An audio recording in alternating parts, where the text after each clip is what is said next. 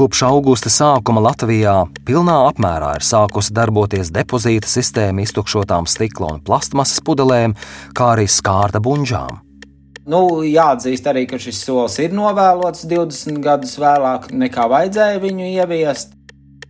Valdības ministrs mēnesi pirms saimas vēlēšanām publiski apgalvoja, ka Latvijas depozīta sistēma esot atzīta par labāko Eiropā.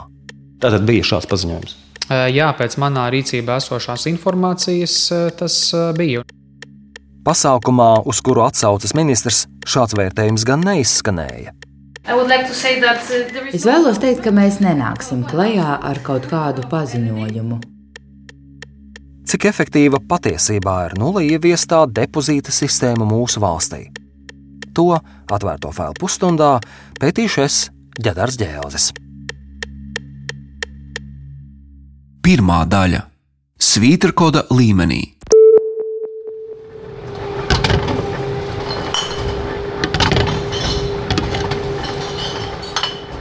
Ir oktobra vidus un vēlā darba dienas vakarā kāda tirdzniecības centra pagraba telpās Rīgā valda rosība. Moderns staromāts vienu pēc otras ierauj iekšā tukšas stikla pudeles, kuras tajā no diviem lieliem maisiem liek jauns vīrietis. Viņa vārds ir Ernests Cīrulis. Es viņam jautāju, Ko viņš domā par depozīta sistēmu, kuru no februāra pakāpeniski ieviesa Latvijā?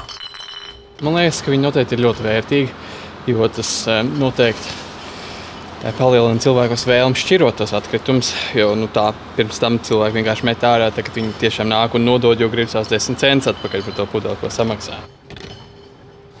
Ernests stāsta, ka varbūt ne katrs vēlas krāt pudeles, lai ietaupītu naudu.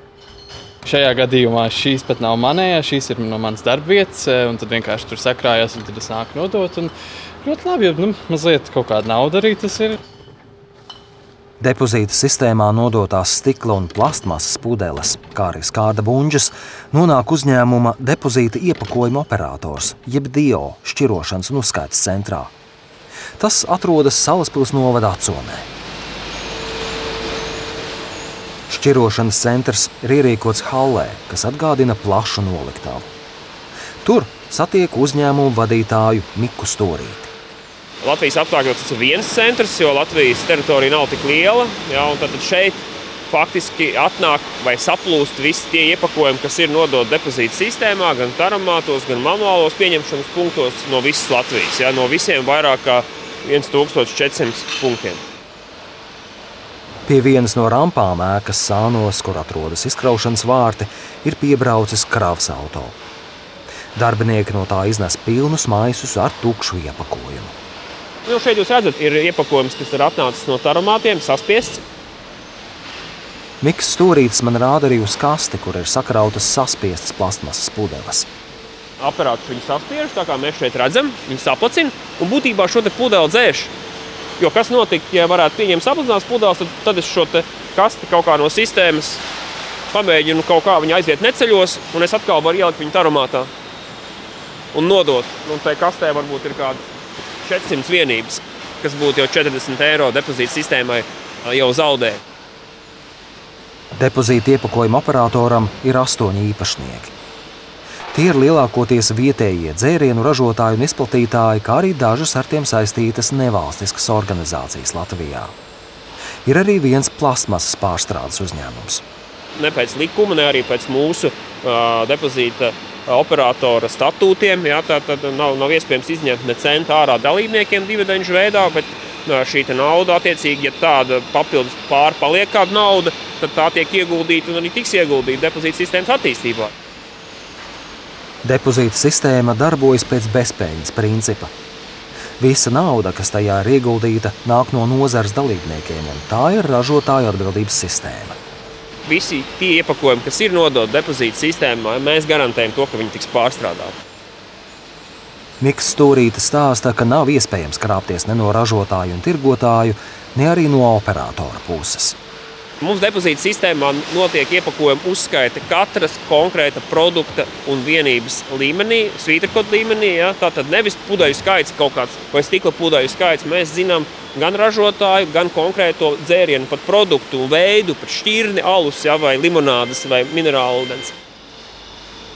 Uz šķirošanas centru atvestie maisi ir aiztaisīti ar speciālām savilcēm ar svītrkodiem, kas tos ļauj pirms izkraušanas identificēt pēc aromāta atšķirojas jau. Ja? Mēs pat redzam, kas tas ir par tirgotāju. Mēs redzam, no kuras konkrēti vietas tas ir atnācis, un šīs buļbuļsaktas tālāk nav jāskaita. Mikls Stūrītis man izrāda moderno mašinēriju, kuru depozīta operatoram ir piegādājusi Norvēģu korporācija Tomra. Šī globālā uzņēmuma ražotās šķirošanas iekārtas un aromātus izmanto ne tikai Latvijā, bet arī daudz vietā citur pasaulē. Šī, šī ir uh ir pēc šķirošanas mašīna. Emošana. Mēs uzkāpjam uz pēc šķirošanas mašīnas platformas, kuras vidū atrodas plata lenta. Uz tās biezta plasmasas pudeles, kuras lenta lielā ātrumā nes pretim rotējošam horizontālam cilindram. Šeit šis rotējošais cilindrs eh, atbrīvo no, daļa, no daļas korķiem un, un eh, etiķetēm, un tālāk tas nonāk pa konvejiem šeit šīs šķirošanas platformas, un tas ļoti lielā ātrumā slīd uz priekšu, un tad eh, tās gaismas stars. Viņš identificē katru pudeli, nu, un to balto pudeli viņš iepūš tālākajā plaukā. Jā, brūnā pudele iekrīt tur vai krāsē. Tālāk, sašķiroto plastmasu un metālu saspiež lielās ķīpās un sūta pārstrādātājiem.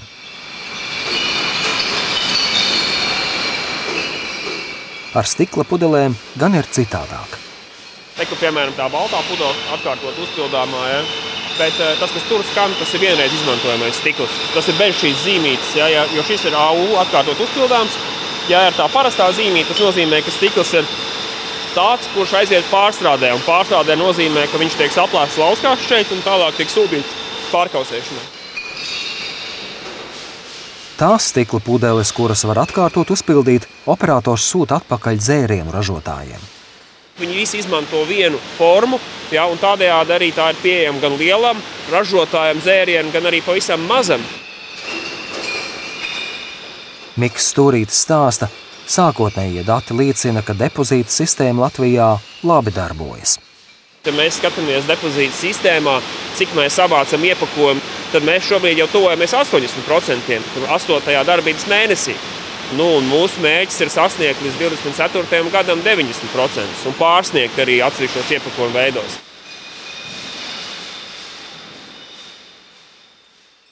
Otra daļa - Mana jūra. Tad mums nebija tāda laiska, bet tik labi glabājis. Ir karsts un saulains darba dienas rīts 2014. gada jūlijā Baltijas jūras piekrastē Liepājas pusē.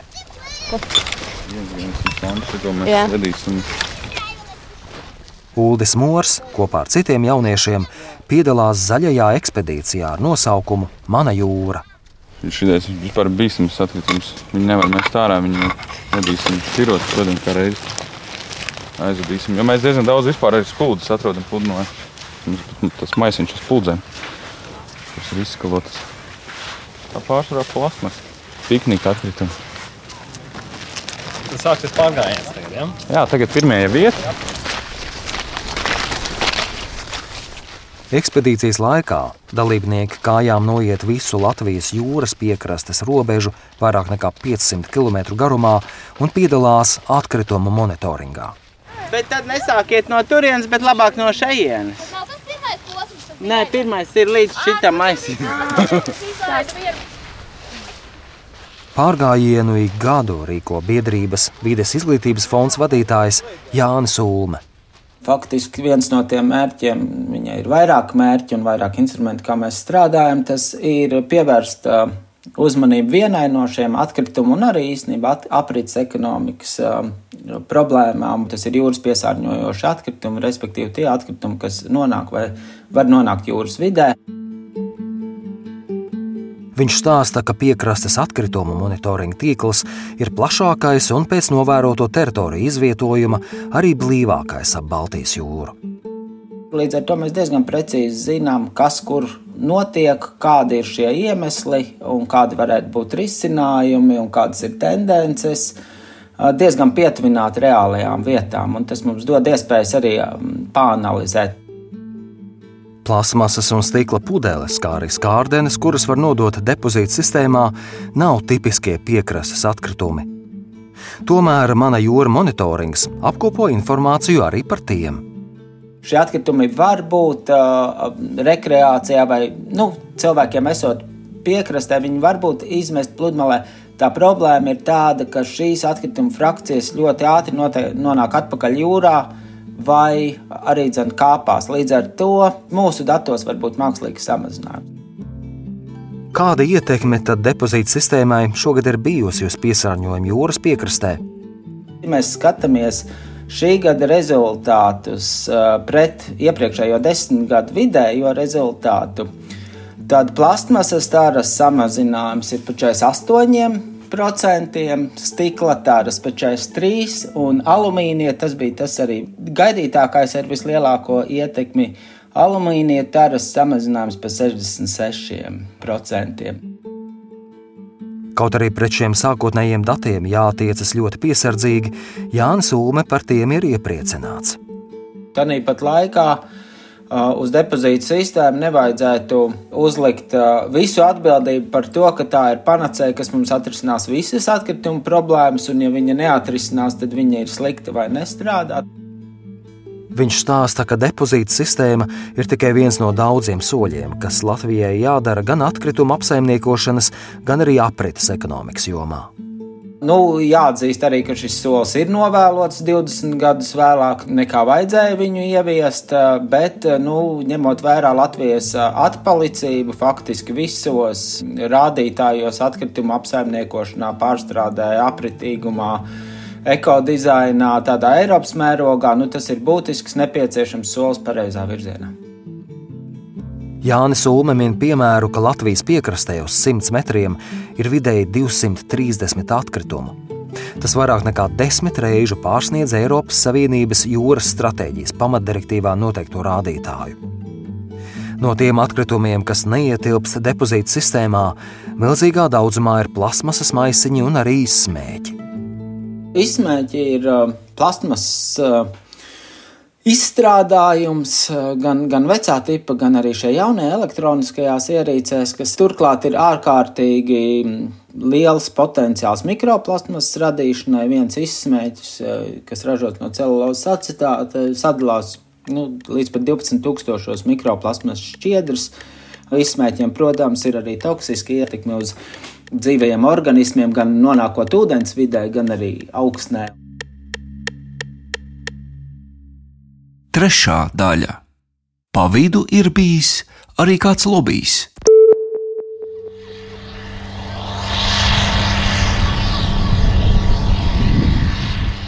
Uz atkritumu kalna Getliņu poligonā traktors šķūrē sadzīves atkritumus, kurus vairs nevar tālāk pārstrādāt.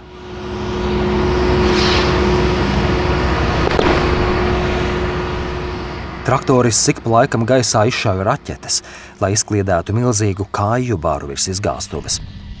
Tomēr pēc brīža putni turpina netraucēti meklēt sev barību. Latvijā kopumā ir desmit poligonu, kur pat laba apglabā vairāk nekā pusi no visiem sadzīves atkritumiem valstī. Pērn tajos apraka apmēram 300 tūkstoši tonnas. Pēc 13 gadiem Latvija ir apņēmusies šādi apglabāt desmit reižu mazāku atkritumu apjomu. Tomēr Eiropas komisija šā gada ziņojumā par Latviju atklāja skaudru ainu.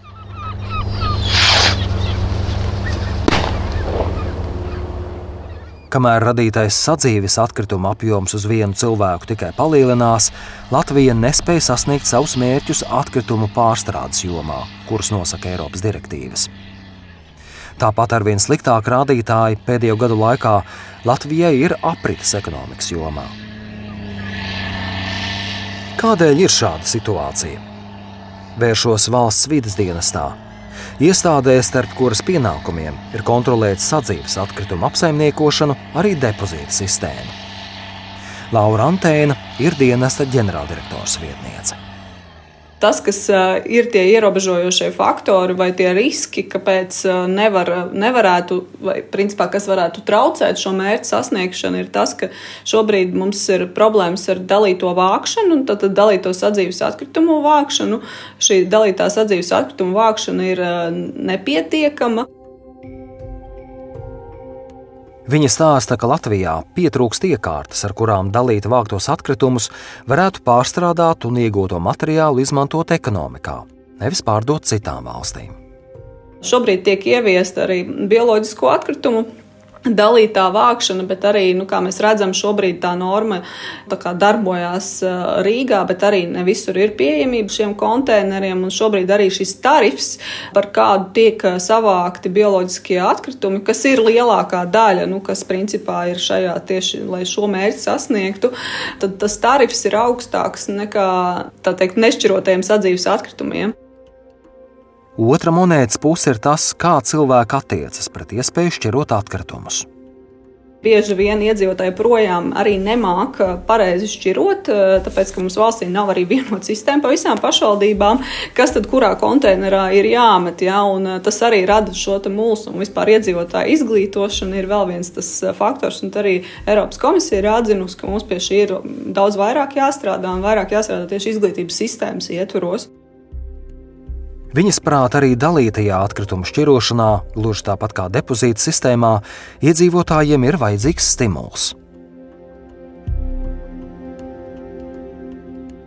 Tomēr Latvijas pieredze ar depozīta sistēmas ieviešanu rāda, ka ieviest tādu stimulu ir grūti.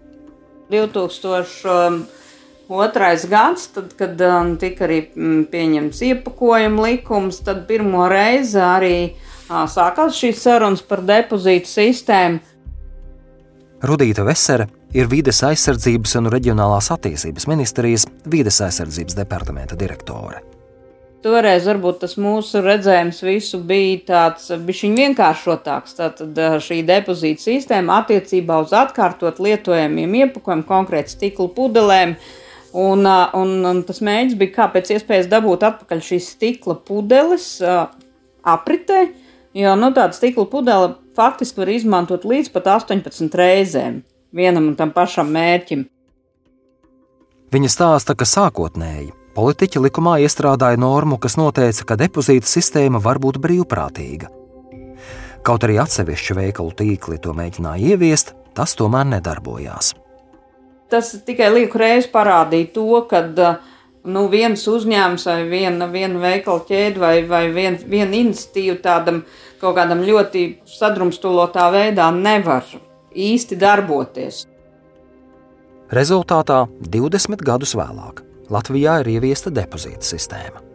Ir bijušas gana ilgas diskusijas, un no dažādām pusēm arī dažādi veidi šīs uzstādījumi par to, vajag vai nevajag šo obligāto depozītu sistēmu, nevis brīvprātīgo arī teiksim, gan tirgotājiem ir bijuši dažādi viedokļi, gan dzērienu ražotājiem, kas arī ir mainījuši savus viedokļus. Un, un, protams, savstarpēji pa vidu ir bijis arī kāds lobbyis. Ceturtā daļa - desmit centu ir desmit centu visur. Please have a seat there and leave this pointer. Kādā viesnīcā Rīgas centrā 6. septembrī sākas preses konference. Es domāju, ka mēs varam sākt, jo dažiem cilvēkiem pēc pusstundas jau jādodas prom. Preses konferenci organizē starptautiska nevalstiska organizācija Relūpa platforma. Ievadvārdus saka tās vadītāja centrālajā un austrumē Eiropā Anna Larsone. Like no Es vēlos teikt, ka mēs nenāksim klajā ar kaut kādu paziņojumu.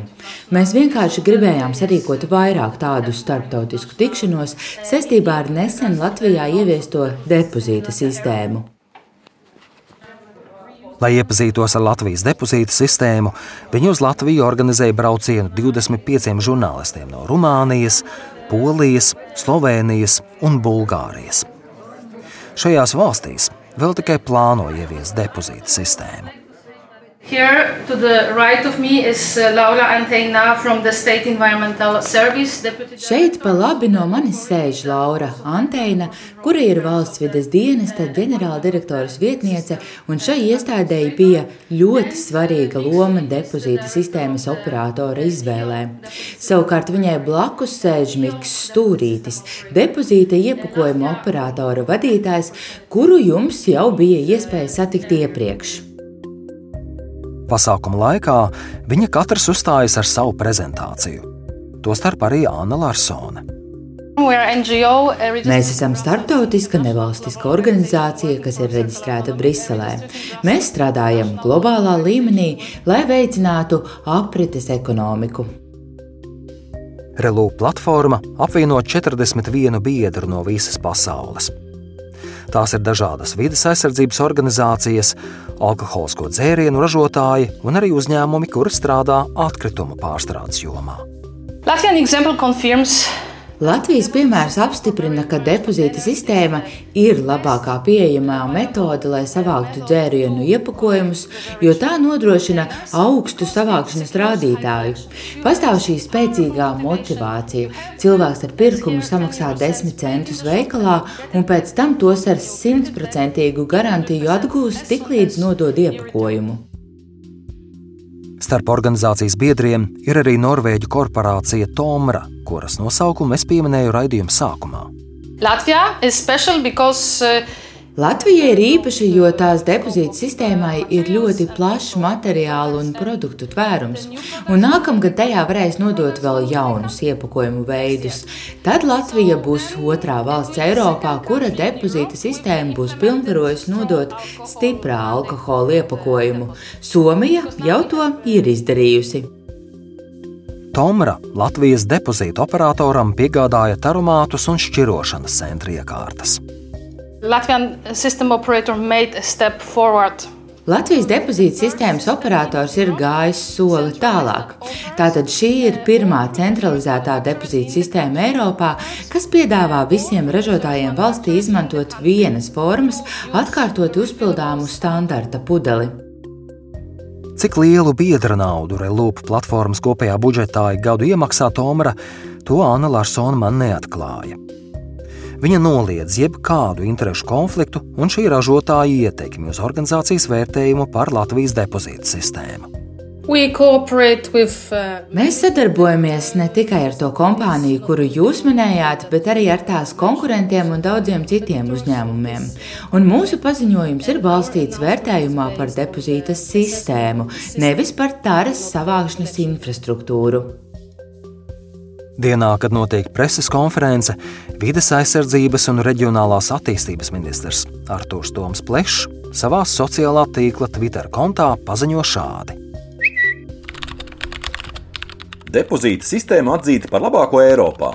Tās ieviešana ir bijusi viena no vērienīgākajām reformām atkritumu apsaimniekošanas jomā pēdējo gadu laikā, un darbs ir rezultējies ar panākumiem. Viņš atsaucas uz ministrijas preses relīzi, kurā teikts, ka šādu atzinību preses konferencē ir devis starptautisks ekspertu panelis no Relūpa platformas. Tomēr pasākuma laikā nekas tāds nenotika. Sveiki! Es par to jautāju ministram Artūram Tomam Plešam. Kā mana informācija liecina, tad tas tā arī bija. Man prieks, ka šāds paziņojums bija. Tātad bija šāds paziņojums. Jā, pēc manā rīcībā esošās informācijas tas bija. Šajā preses relīzē ir minēts šis vārdu saukums ekspertu panelis. Kas ir šis ekspertu panelis? Cik daudz cilvēku tur bija šajā ekspertu panelī? To jūs noteikti varat uzdot pašam arī relūpu, un viņi noteikti arī precīzi varēs ar, ar, arī atbildēt. Bet šī platforma, arī izpildu direktori šajā sanāksmē atzina, ka Latvijas depozīta sistēma ir uz šo brīdi vis, vislabākā Eiropā, un es domāju, kurš gan cits to var novērtēt kā vien neatkarīgi eksperti.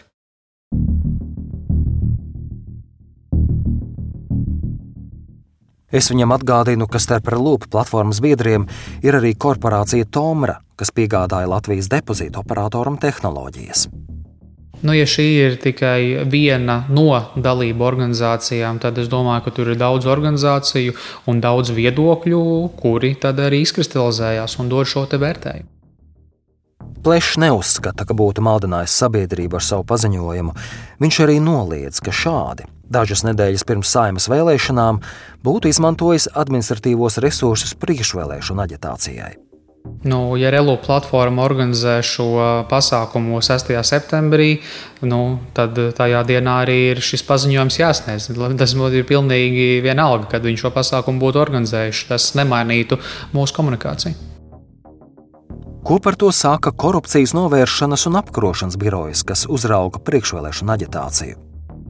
Komentēja knaba pārstāve Agita Antonāne. Korupcijas novēršanas un apkarošanas birojs savas kompetences ietveros ir pievērsis uzmanību jūsu norādītajai informācijai. Pat labāk knab iepazīstas ar to, lai lemtu par turpmāko iestādes rīcību.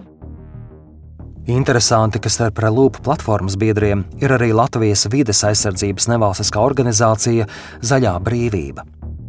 Es jautāju tās vadītājam Jānim Brisgam, Vai Latvijas depozīta sistēma ir labākā Eiropā? Nezinu, es neesmu nu, tādu veicis tādu, tādu salīdzinošu kaut kādu analīzi. Viens, kas salīdzina tās sistēmas, ir tas Relūp, tā organizācija, ko jūs minējāt. Uh, bet viņiem nav, man liekas, eh, man liekas, tas viņu pēdējais ziņojums ir par um, 20. gadu, ja, kur vēl Latvijā sistēma bija tikai ministra kabineta noteikumu līmenī. Uh, tā kā es neesmu redzējis to viņu kaut kādu jaunāko, jaunāko piedāvājumu.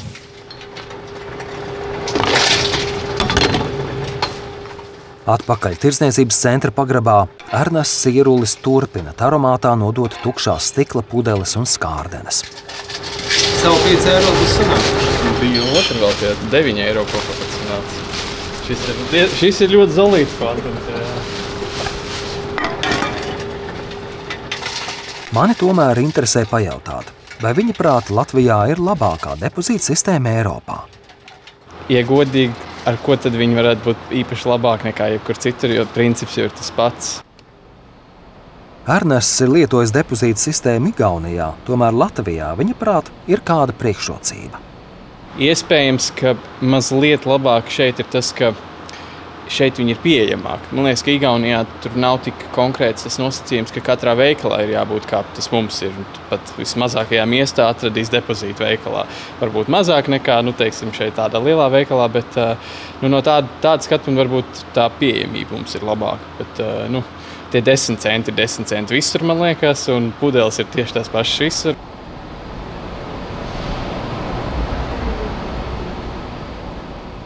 Raidījumu veidoja Ģedars Ģēlzes, Anita Brauna un Reinas Budze.